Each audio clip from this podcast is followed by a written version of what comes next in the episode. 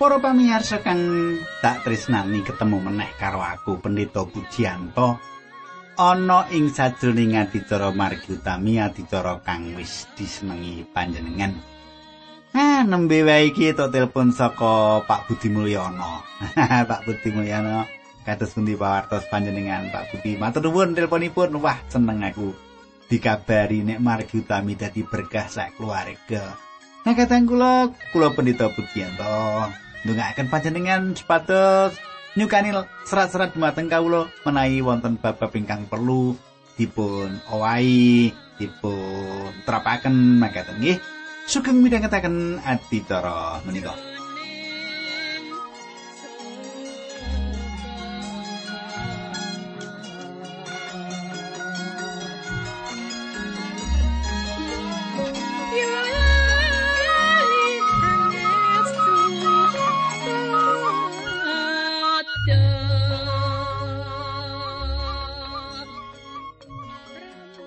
Katanggu kang dak tresnani.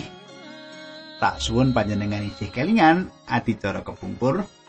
Kita wis padha nyinau nggone atur pisungsung para pemimpin Israel. Kita wis nyinau nggone atur pisungsung para pemimpin ing Israel. Nah, kepiye sak banyure kita bakal semak.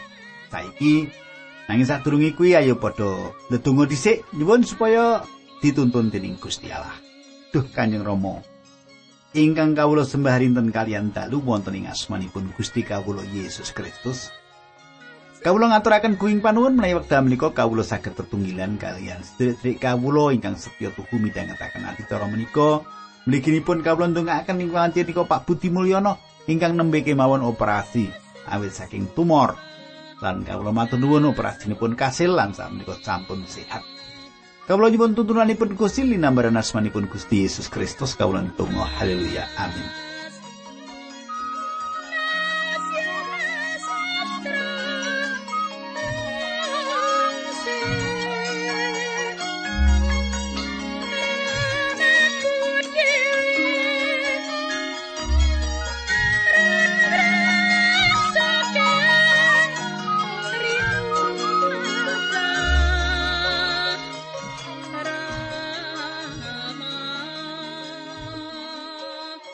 Para pamirsa, saiki kita terusake ing bab 8 kitab Wulangan utawa kitab Wilangan, kok Wulangan yo, Wilangan.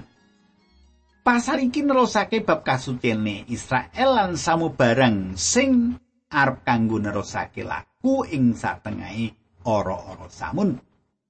Sing sapa kepengin nderek Gusti lan kepengin lelados kagem panjenengane kudu disucikake. Wilangan 8 ayat 1 loro telu mengkene surasane tak wacake. Gusti Allah ngendika marang Musa. Harun kandhanono yen masang lampu pitu ing pedamaran kudu diatur supaya sunare mengarep. Harun iyo banjur nindakake apa sing didhawuhake dening Allah mau lampu-lampu dipasang miturut adepe pedamaran. Pedamaran kuwi saka dhuwur tekan ngisor digawe saka mas murni miturut contoh sing diparingake dening Gusti Allah marang Musa. Mangkono surasane pangandikane Gusti. Pedamaran sing endah iku salah sijine prabotan sing ana kemah pasewakan. Barang iki digawe saka mas sing dipandhe sunar sing sumorot saka pucuk pedamaran iki resep indah dideleng ing mripat. Iki kegambarane Sang Kristus sing sampurno ing sadroning kemah pasewakan iki. Urupe pedamaran sing sumorot nggambarake Sang Rasuci sing nyunarake endahe Sang Kristus. Pendamaran iku simbole Sang Kristus sing diutus Sang Roh Suci tumedhak ing bumi. Roh Suci ning Allah nyetakake sapa to Sang Kristus marang jagat lan marang kita. Mula pendamaran iki dikandhakake marang kita sing dipisungsungake para pemimpin Israel lan panyucine talar Lewi. Uga kahanan iki nggambarake yen samubarang iku kudu ditindakake kanthi padang utawa terang sing asale saka ngersane Sang Kristus. Banjur apa tegese marang kita? Ikut ateges kabeh pisungsung lan pakaryan ing peladosan kudu ditindakake kanthi terang, ora kanthi laku dedemitan.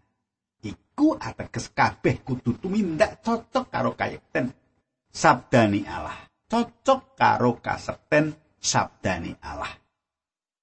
Yo saka kene iki gereja-gereja itu suluh lan pituduh sing baku, ora mung saka paugeran sing digawe dening manungsa, sing arupa aturan-aturan tata gereja lan sak panunggalane. Pedamaran iku lampu sing nyunarake terang kaya pangandikane Gusti Yesus yen panjenengan iku terangi jagat.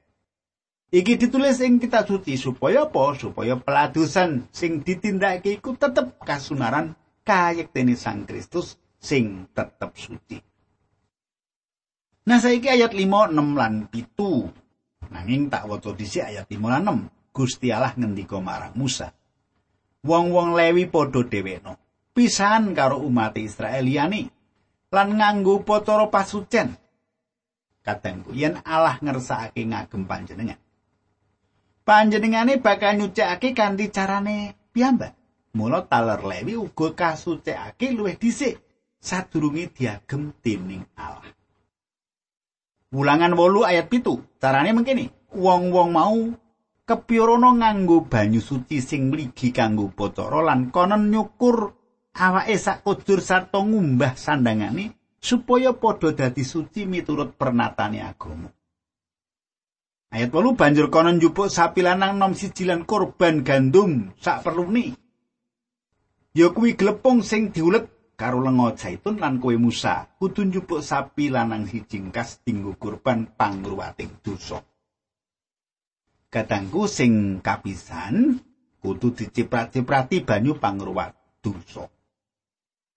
Banyu iki diwadahi tuwung.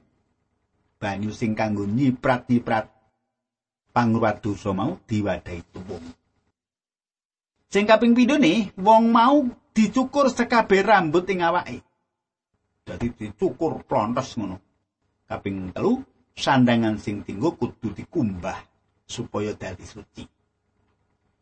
Kaping pati, masrahake korban pangruwate dosa lan korban obaran. Katangku menawa kita nyemak apa sing dingendikake ana ing wilangan mau, kita bisa gayutake karo apa sing ditulis Yohanes ing siji Yohanes bab siji ayat pitu. Mengkene surasane nanging yen kita ana ing pepadang, kaya dene panjenengane ya ana ing pepadang. Dadi nggon kita padha tetunggilan kuwi nyata lan rae Gusti Yesus Sang Putra nglebur sakaing dosa kita. Kadangku lampu lan tuwung dipapanake ing panggonan sing padha. Nalika kita napaki urip kita ing sadurunge terangi Gusti akeh kaluputan sing kita alami. Ing kono wis disediakake tuwung kanggo panyucine dosa kita. Wis mesti kanthi ngakoni sakabeh dosa kita ing ngarsane Allah. Siji ana dawuh supaya diciprat-ciprati nganggo banyu pangruwate dosa. Panjenengan ngerti kang dikarsakake iki? Kenapa kok diciprat-ciprati? ya. Iki dosa sing kudu dibirat. Ngerti? Iki dosa sing kudu dibirat yen kita wis mlaku wing terange Gusti nuli ana kaluputan kudu banjur kepriye? Rai. Gusti Yesus bakal nyucake kita saka sekabeh dosa. Lan rae mau sing bakal terus nyucake kita yen kita uga tansah ngakoni dosa-dosa kita. Saiki coba kita gayutake karo apa sing ditulis Yohanes ing siji Yohanes siji ayat 9. Nanging menawa kita padha ngakoni dosa-dosa kita marang Gusti Allah, panjenengane bakal netepi janjine lan tumindak adil temah bakal ngapura saking dosa kita sarta ngresiki sakaing piala kita. Katenggo iki janjine marang kita wong pratoya yen panjenengan adreng kepengin ngladosi Allah. Panjenengan kudu ngakoni dosa-dosa. Tuwung tembaga papan kanggo panyucine wong dosa sing suwan marang Allah kanggo nampa kawilujengan. Tuwung iki kanggo kita wong pratoya yen nandang dosa, tuwung wis madya kanggo kita nyucikake sakabeh dosa-dosa kita. Angka loro, saran duni badan kudu dicukur. Gambare apa iki? iki nggambarake badan sing resik. Sabdane Gusti iku kuat lan landhepe ngungkuli pedang sing landhep ngiwonengen.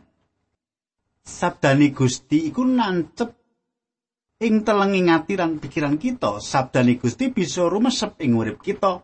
nuli nyisihake kabeh sing ngandhut dosa lan kesalahan sing ora kita ngerteni lan sadari. Angga telu resik sandangan iki ngandhake bab kurban kanggo panyucen. Sapi lanang siji kanggo kurban obaran lan kurban sesajen kanggo mirat dosa. Sakabeh kurban lan sausan iki mau nggambarake Sang Kristus. Kurban obaran iki dadi lambange sapa? korban sesajen nggambarake kasampurnane Kristus sing tanpa dosa. Korban kawilujengan iku ngandhakake bab Kristus sing ngasta bedamen lantaran rai piyambak sing tumetes ing pamentangan. Korban pangruwate dosa njlentrehake apa sing ditindakake kanggo kita manungsa dosa. Kanthi mengkono kita bisa ngerti yen kabeh sing ditindakake iku kinanten ing terangi kapribadene Sang Kristus.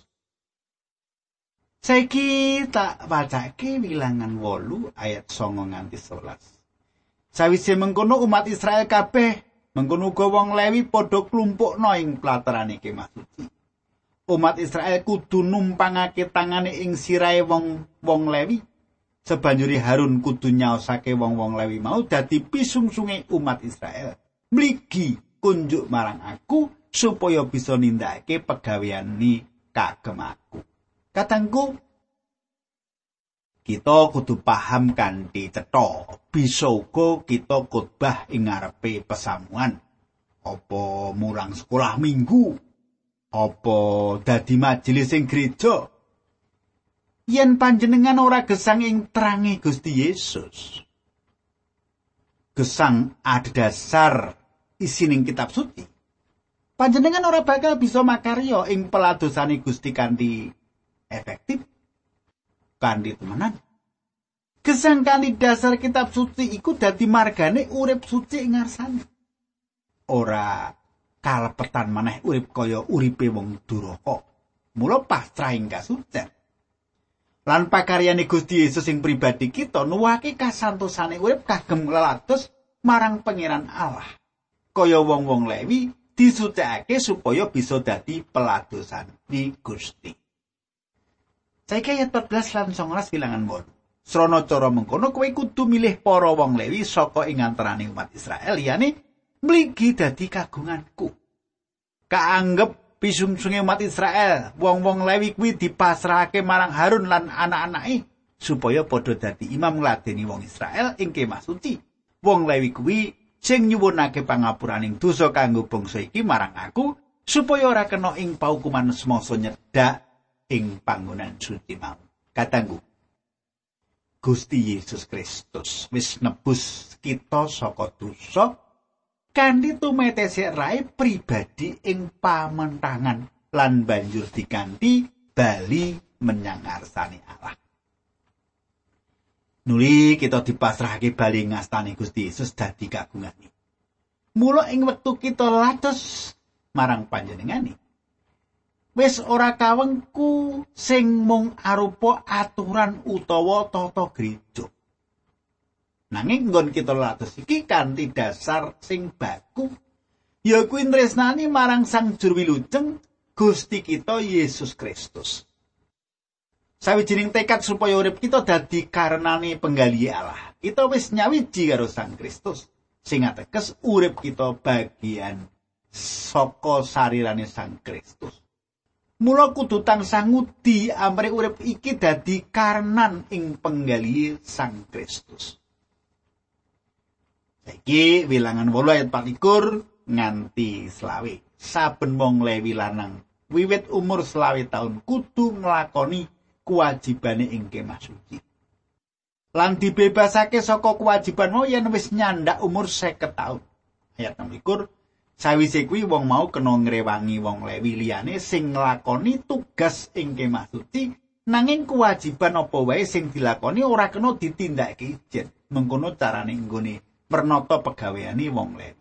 Kadangku kang dak tresnani Wong Lewi dikeparengake ngladosi Allah umur selawe taun. Nanging ing bagian liya ing pasal papat digandhakake yen umure wis telung puluh taun. Iki dadi pitakonan tumrap kita. Mengko yen kita wis tekan wilangan pasal 14 ayat 29 ngandhakake bab umur sing wis kalilan ngladosi. Tak teruske wilangan 14 ayat 29 nganti 30.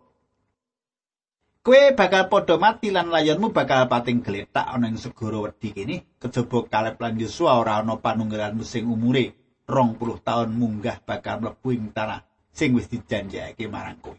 Katangku umur 20 taun dianggep wis bisa ngladosi pakaryane Gusti. Nom-noman sing umur 20 taun diidini kanggo mlebu ing tanah perjanjian. Nanging nom-noman sing umur rong puluh taun sing padha besengut lan ora nrimo ing kanan padha mati ing ora-ora samun. Pancen Allah mbedakake umur tumrap peladosan sing beda jinise. Wong Israel bisa dadi prajurit nalika wis umur rong puluh taun. Kanggone wong Lewi bisa melu lelados sing kemah suci yen wis umur selawe taun. Kanggo imam wong lewi kudu wis umur 30 tahun. Nanging yen kanggo cedhak marang Allah marang Gusti Yesus anak-anak kita wiwit cilik. Kudu wis diberek cedhak dan percaya marang panjenengane yaiku pangon sing utami. Katangku saiki kita wis mlebu ing wilangan pasal songo. Wilangan songo ayat siji loro. Mungkin surasane Naliko sasi kepisan taun kapindho sawise bangsa Israel metu saka ing Mesir, Gusti Allah ngendika marang Musa ing ora samune pegunungan Sinai mengkene tanggal 14 sasi iki yen srengenge surup bangsa Israel kudu ngriyayake Paskah miturut pernatan sing wis ditetepake. Katangku, Israel kudu tetep ngriyayake ngrayakake dina Paskah senajan ana ing tengahe ora-ora samun. Dadi ing taun kapindho sawise ninggalake Mesir ing ora-ora samun iki, Israel arep tetep ngregengake riyaya Paskah.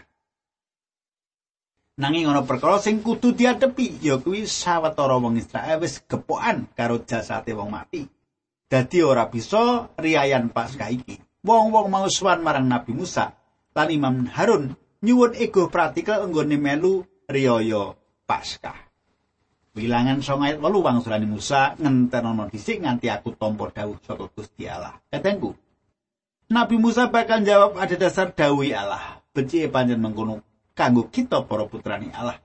Lumaku kanting mutamakake kersane Allah. Bilangan songo ayat songo nganti 11. Gusti Allah banjur dawuh marang Musa. Konduo marang bangsa Israel mengkini. Yen ana ing antaramu utawa anak turunmu sing najis mergo ngepok wong mati utawa lagi lelungan adoh mongko kepengin ngrayakake Paskah. Kuwi kepareng. Nanging nggonmu ngriyayakake kudu ing sasi candake ing wayah sore tanggal 14 dina kuwi riyayakno kanggo mangan roti tanpa ragi lan jangan pahit. Katangku. Wong-wong sing wis kepetung ora suci utawa saka lelungan adoh kudu ngriyayakake Paskah sak bulan sawise dina Paskah sing resmi. Saiki tak teruske aku maca bilangan 9 ayat 15 nganti 16. Nalika kemah palenggahane Allah ditekake ing dina kuwi ana mega ing sakndure kemah mau ing wayah bengi mega mau mencorong kaya geni. Ketanggu bangsa Israel dipayungi dening mega, yaiku mega kamulyan karawuhane Allah. Iki kaitan sing dialami Israel sing beda karo bangsa liyane. Bangsa iki ing pangumbarane ing ora-ora samun wis ngrasakake ndeleng lan katunggulan dening kamulyane Allah. Bilangan songo ayat pitulas nganti songolas. Mungkin surasane. Yen mega mau munggah wong Israel kudu budal. Yen megane medun wong Israel banjur kudu masang kemahe ing panggonan sing diduni mega mau. Wong Israel padha medhol lan masang kemahe manut dawuh Allah. Selawase mega mau ana ing sandure kemah suci, bangsa Israel tetep manggon ing panggonan kuno.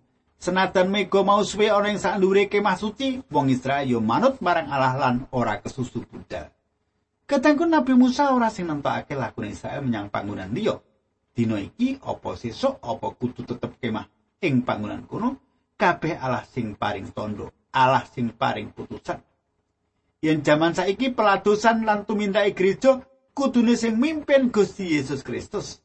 Nanging akeh gereja sing padha sibuk dhewe-dhewe nganti ora kober ndedonga kanggo nyuwun parilah ing peladosan marang Gustine. Kristus iku pemimpine gereja, pemimpin kabeh wong sing ngetut mburi panjenengan. Kadangku bilangan songo ayat trolikur nganti trolikur. Selawase mega mau mandek mbuh rong dino mbuh sesasi mbuh taun luwih wong kabeh padha tetep ing panggonan mau nang yen megane munggah wong kabeh nuli padha budal. Bangsa Israel leren ing sawijining panggonan lan budal saka kono miturut sak dawe Allah lantaran Musa. Katengku yen tuku mega alon-alon munggah ing wayah esuk Israel kudu siap-siap kanggo pindah menyang panggonan liya. Wong Lewi inggal ngringkes kemah lan siaga kanggo mlaku menyang panggonan sak teruse. Sawise sawetara wektu lumaku tugu migo bakal bali meneh mayungi kemah suci kaya maune. Tugu migo lan tugu geni iku lambang rawe Allah sing bisa kastating mripat. Mayungi serta ngrengkuh bait suci papan pedalamane Allah pribadi. Nalika Israel ora setya lan tuhu marang Allah, nyingkur marang Allah, Allah pangeran banjur ninggalake bait suci, ninggalake Israel. Nabi Yeskiel ncritakake yen Allah kendelang tumulih nalika arep ninggalake Israel. Pirandungan penggali, mangu-mangu penggali kaya krasa abot nilarake Israel kagungane. Nanging Israel ora bisa diboti mulo tuku mega lon-lonan munggah menyang langit lan ilang ora katon maneh. Ora akeh manungsa sing padha menangi rawi Sang Kristus sing sepisanan. Nanging ing rawi sing kapindho mengko kanthi kamulyane. Rawi kanggo kita wong percaya. Kita gereja ing jaman iki ora ana tandha kamulyane Allah sing kaya dene tugu mega Allah rawuh ing sajroning batin kita. Roh suci makuwon ing ati kita. Royalah makuwon ing saben uripe wong pracaya Nalika bangsa Israel wis mapan ing tanah perjanjian Raja Salomo ngedekake bait Allah. Pedalaman Allah minangka gantine pedalaman Allah nalika isih pindah-pindah ing tengahing ora-ora samun. Katangku tak cukupi semene dhisik aturku, muga-muga panjenengan sak brayat kaberkahan ayo padha ndedonga. Dukan jero mang swarga kawula ngaturaken gunging panuwun menawi dalika kawula saged tetunggilan, kawula saged midhangetaken sabda pangandikan paduka dinambaran asmanipun Gusti kawula Yesus Kristus kawula ndedonga. Haleluya. Amin.